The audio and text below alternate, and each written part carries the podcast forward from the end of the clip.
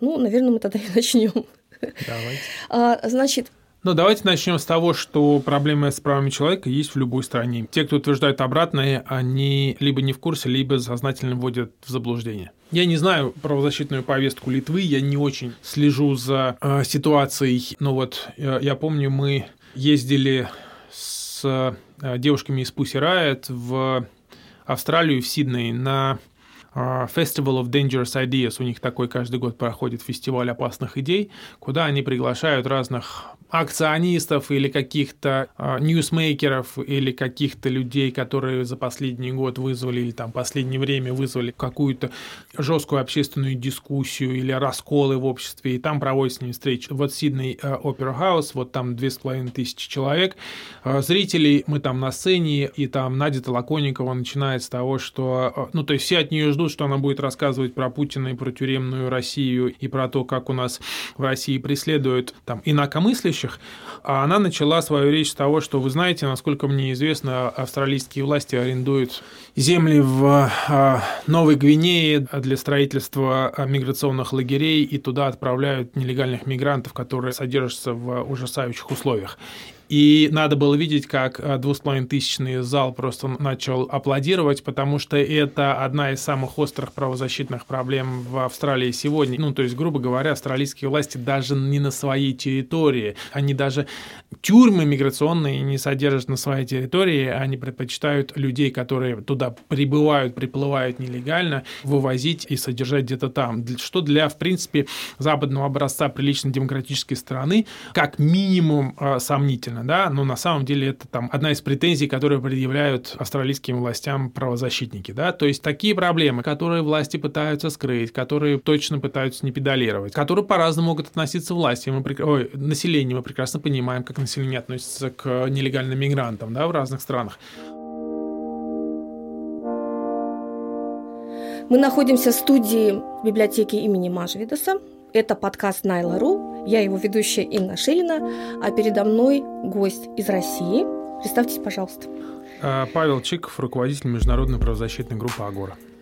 Правозащитной деятельностью я занимаюсь с 99 года. Обычно говорю так, Путин пришел во главу России, а, а я пришел в правозащитную деятельность, и с тех пор и, и он на своем месте, и я на том же самом месте.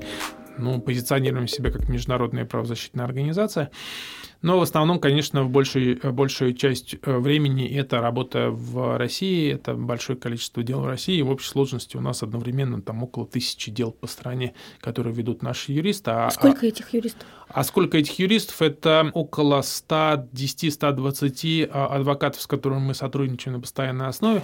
Ну, там костяк это, – это человек 40, а остальные время от времени мы их привлекаем для, для работы по делам. Все зависит от того, что происходит. То есть, например, в ходе известных э, московских протестов летом прошлого года мы привлекли к работе больше 40 адвокатов только по Москве. То есть, когда возникает потребность привлекать кого-то, дополнительных людей, мы так делаем. Соответственно, это позволяет нам, по сути дела, э, полностью удовлетворять спрос на правозащитных адвокатов и юристов, который возникает по стране. Ну, то есть, за исключением там каких-то очень удаленных регионов, куда трудно дотянуться.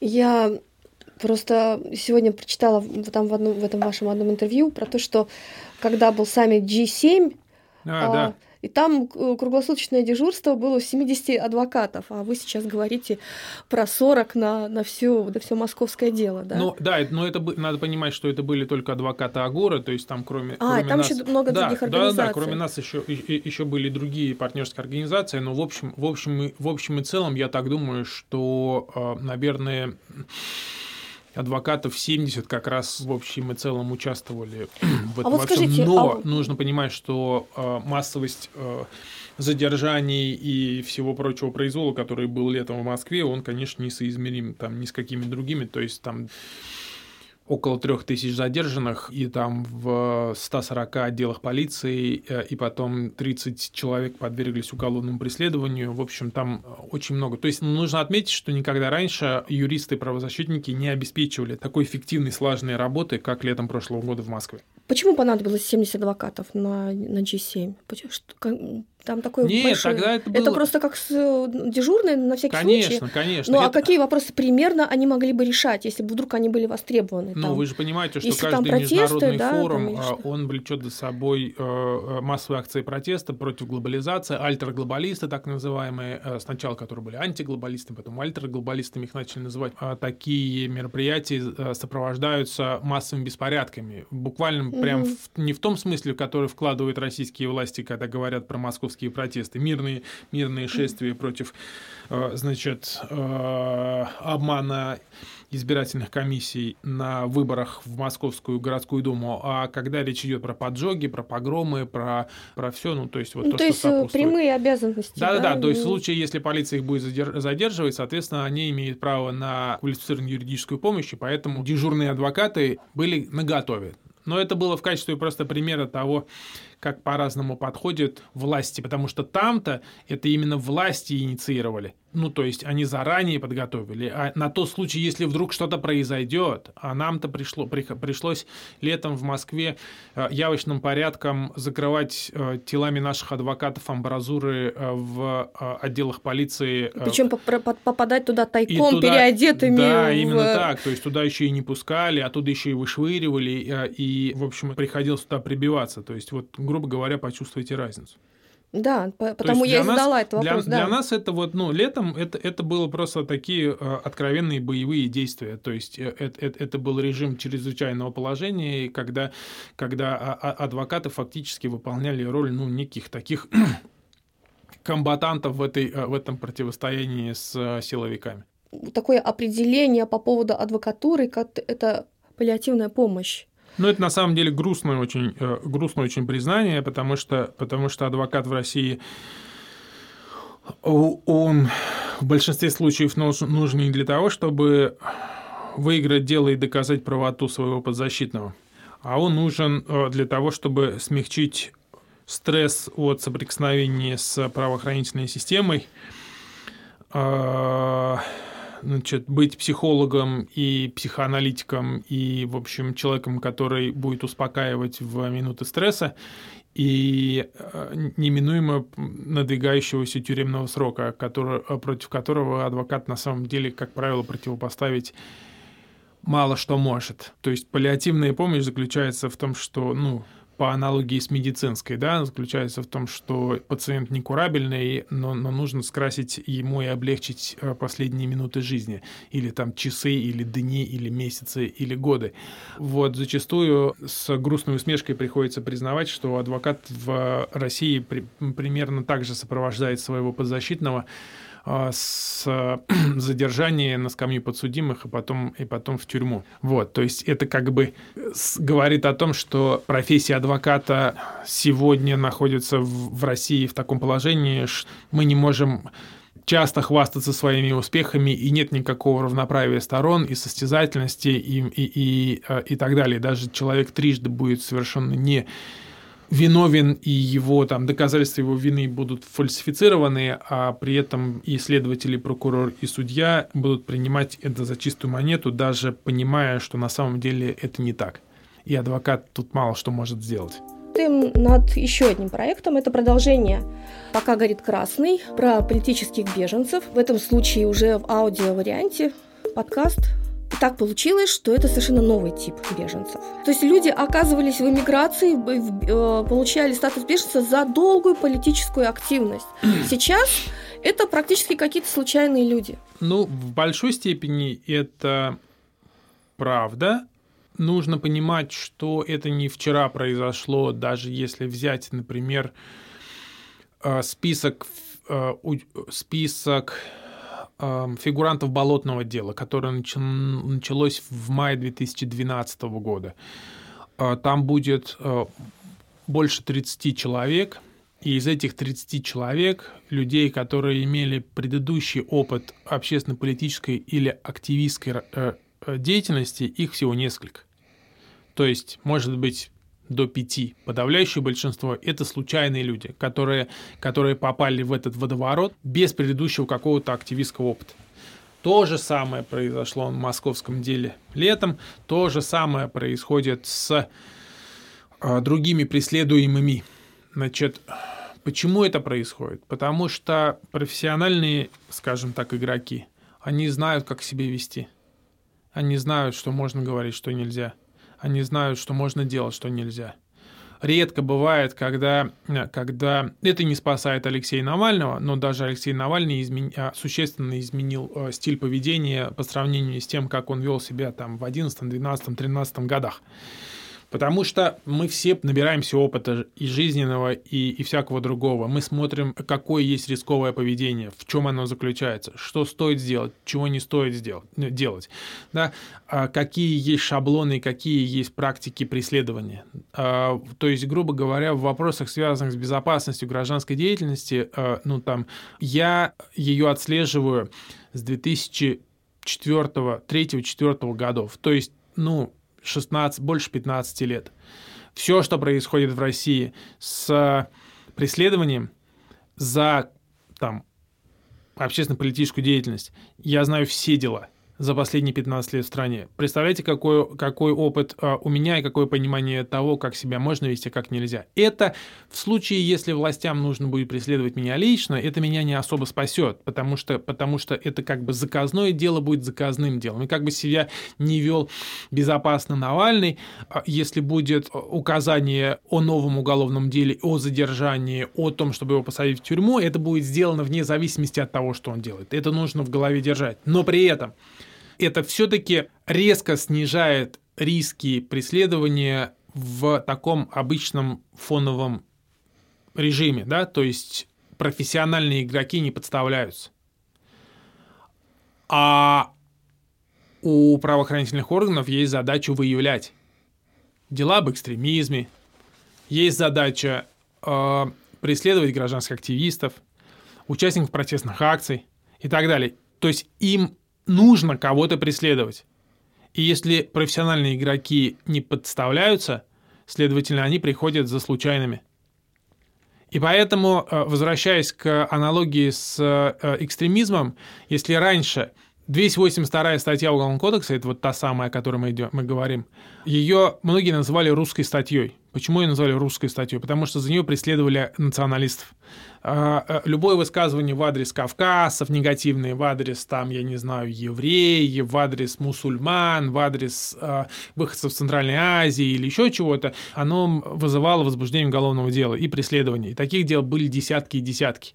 Дальше постепенно изменилось поведение, постепенно те, кто так практиковал такие тексты, перестали их писать. А у Центров противодействия экстремизму план по выявлению таких уголовных дел никуда не делся. И им нужно за кем-то приходить. И поэтому стали приходить за студенткой Матузной. За картинку с Иисусом Христом.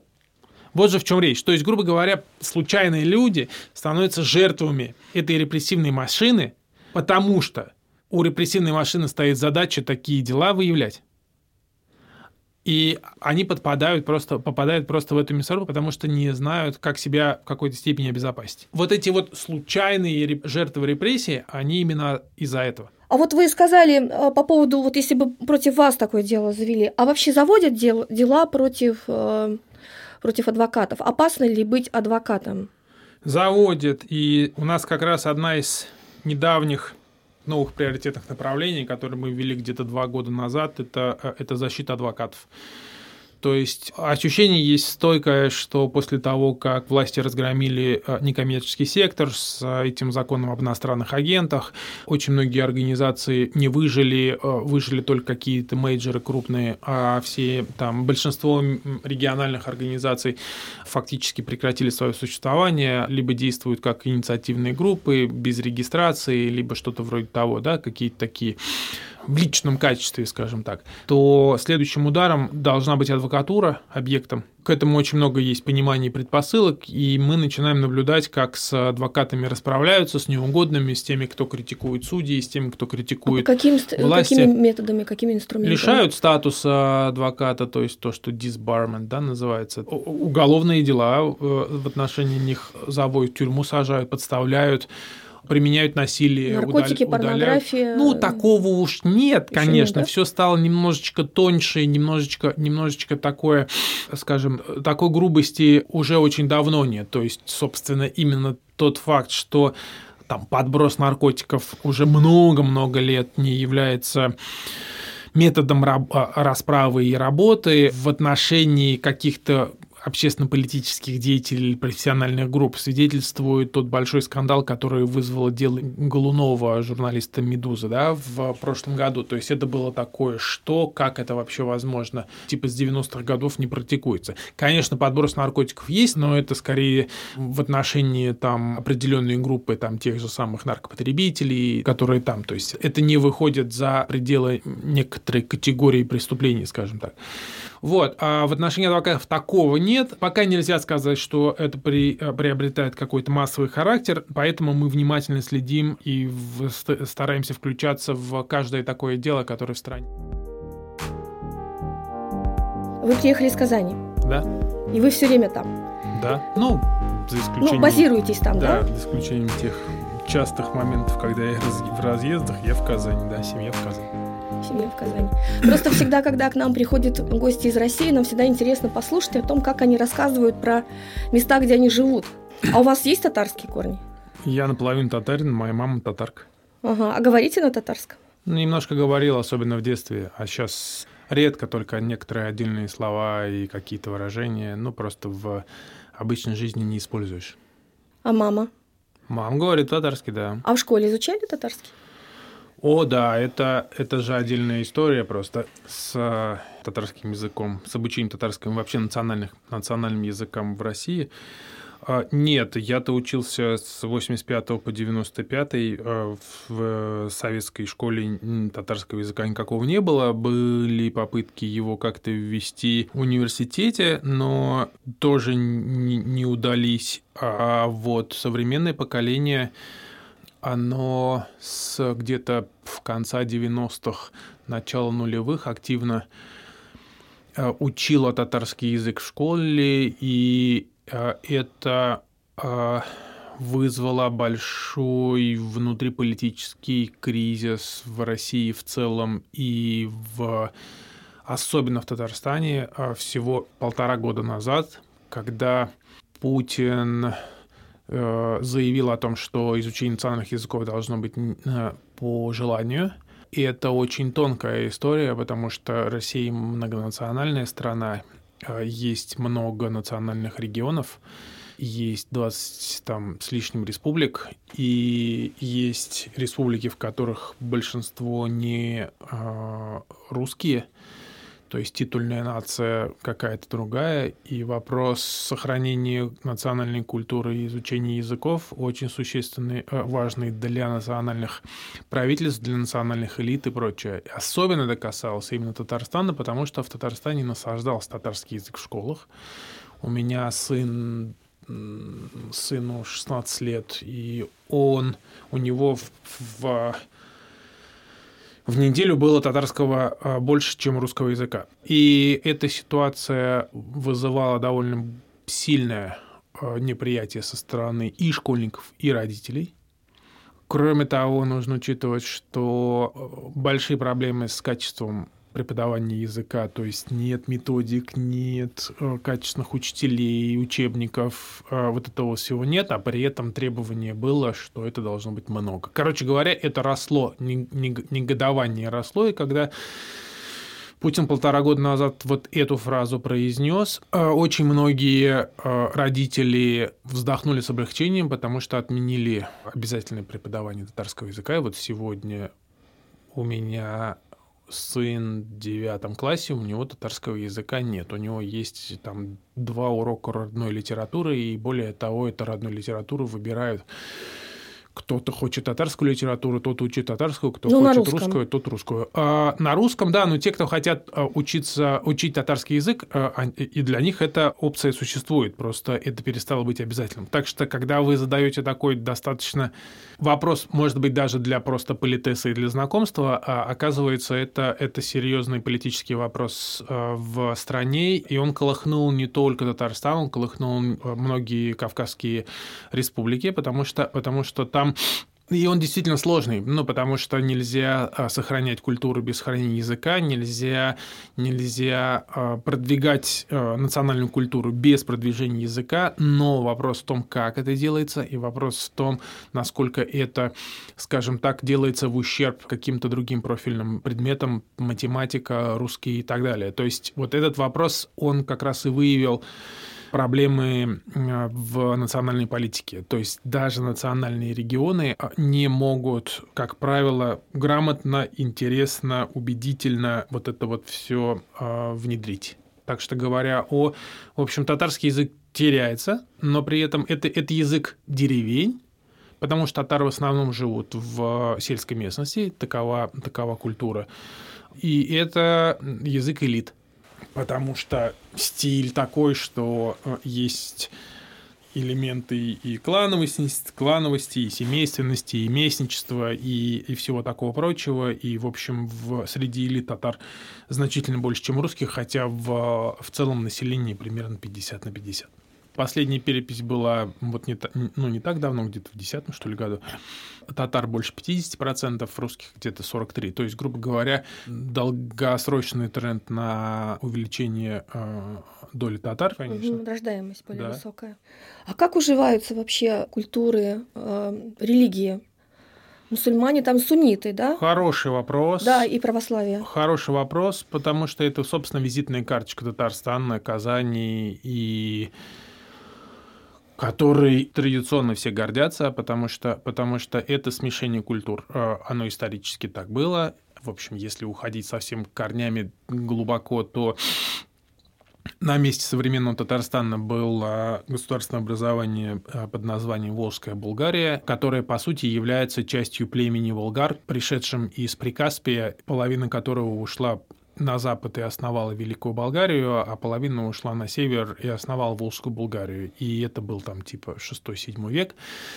И это был основной, там, несколько сотен лет это был основной торговый партнер э, Руси. И в 920 году был принят ислам задолго до принятия, ну, то есть там за, я не знаю, 50 лет до принятия э, христианства Киевской Русью, и скажем так, это не что-то там последних двух, трех, четырех сотен лет. Это очень давняя э, история. И потом было монгольское завоевание, и сначала монголы завоевывали э, Булгарию, и, в общем, трижды булгары отбивали эти атаки.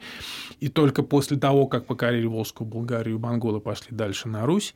Потом это было Казанское ханство и, собственно, Иван Грозный. То есть потом там была и насильственная христианизация. Отголоски этого тоже присутствуют до сих пор, потому что есть группа татар Кряшен, например, это такая отдельная этническая группа, а, которые крещенные татары, а, у которых имя и фамилия, как правило, русские, но при этом они а, очень часто могут не говорить по-русски вообще, и при этом они исповедуют православие, ну и там, если это осталось в традициях, да, есть такое, ну и потом как бы советский период и прочее. То есть там Казанский Кремль, который, который белокаменный, построенный псковскими мастерами в 17 веке, э, в котором внутри стоят и мечети, и э, башни еще э, ханского периода, башни Сюмбике, э, в перемешку с православными храмами. Это как раз вот и есть визитная карточка Казани, где, где уживаются разные религии, разные, разные культуры, разные этнические группы.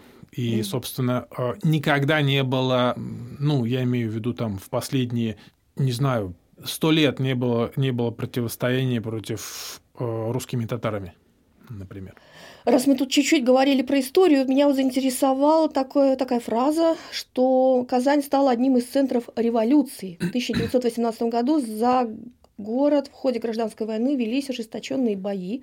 В 20 году был подписан декрет об образовании автономной татарской социалистической советской республики со столицей в Казани. Да, мы как раз в этом году отмечаем 100 лет ТССР.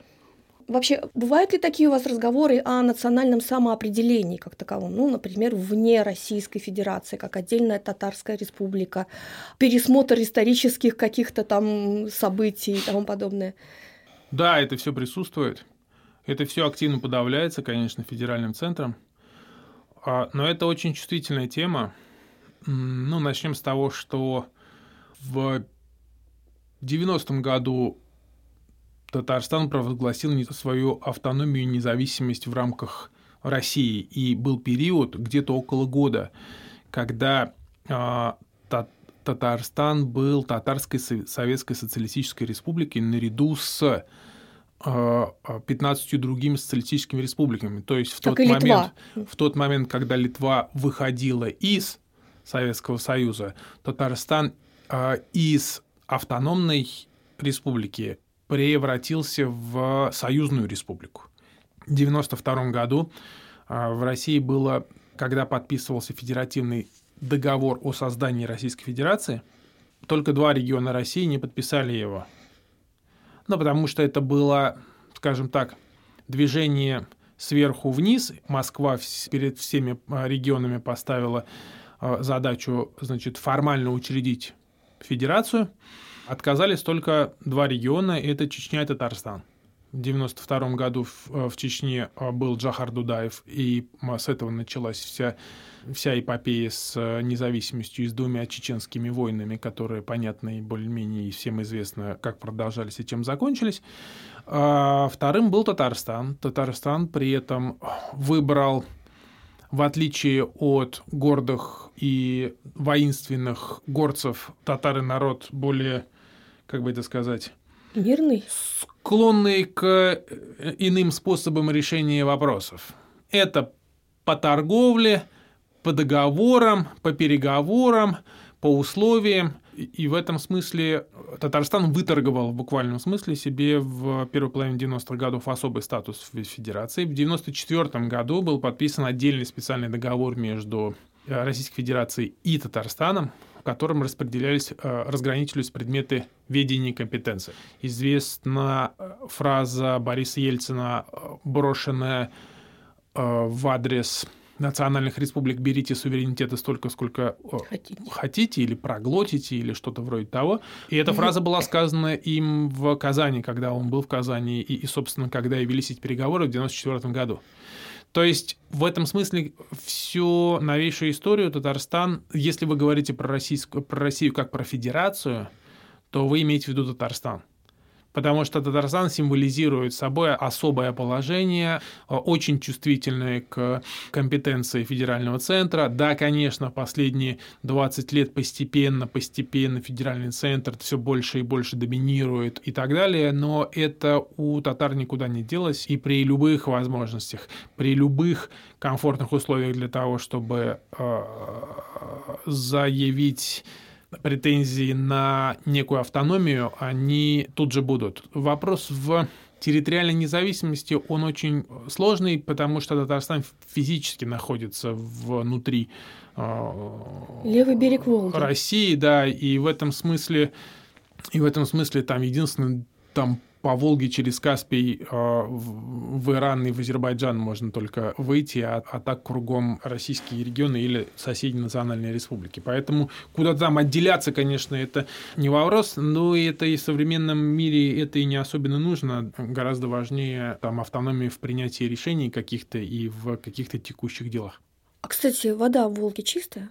Купаться можно? Ну, купаться зависит же от того, когда, то есть в какой момент, в какой-то момент она начинает свести, а какие-то выбросы могут там а, появляться, но э, в целом такого прям экологического запрета нет, санитарного какого-то запрета нет. Зависит еще от места, потому что Волга же она большая, соответственно, есть разные там и водохранилища, и, и всякие повыше, пониже, получше. Но может купаться, можно, люди купаются, что. Ну, конечно, не там, не, не Средиземное море, но зачастую может быть получше черного. Вы слушали Найла подкаст на русском языке. Патронировать создание новых эпизодов Найла вы можете по адресу patreon.com на нук мультимедиа.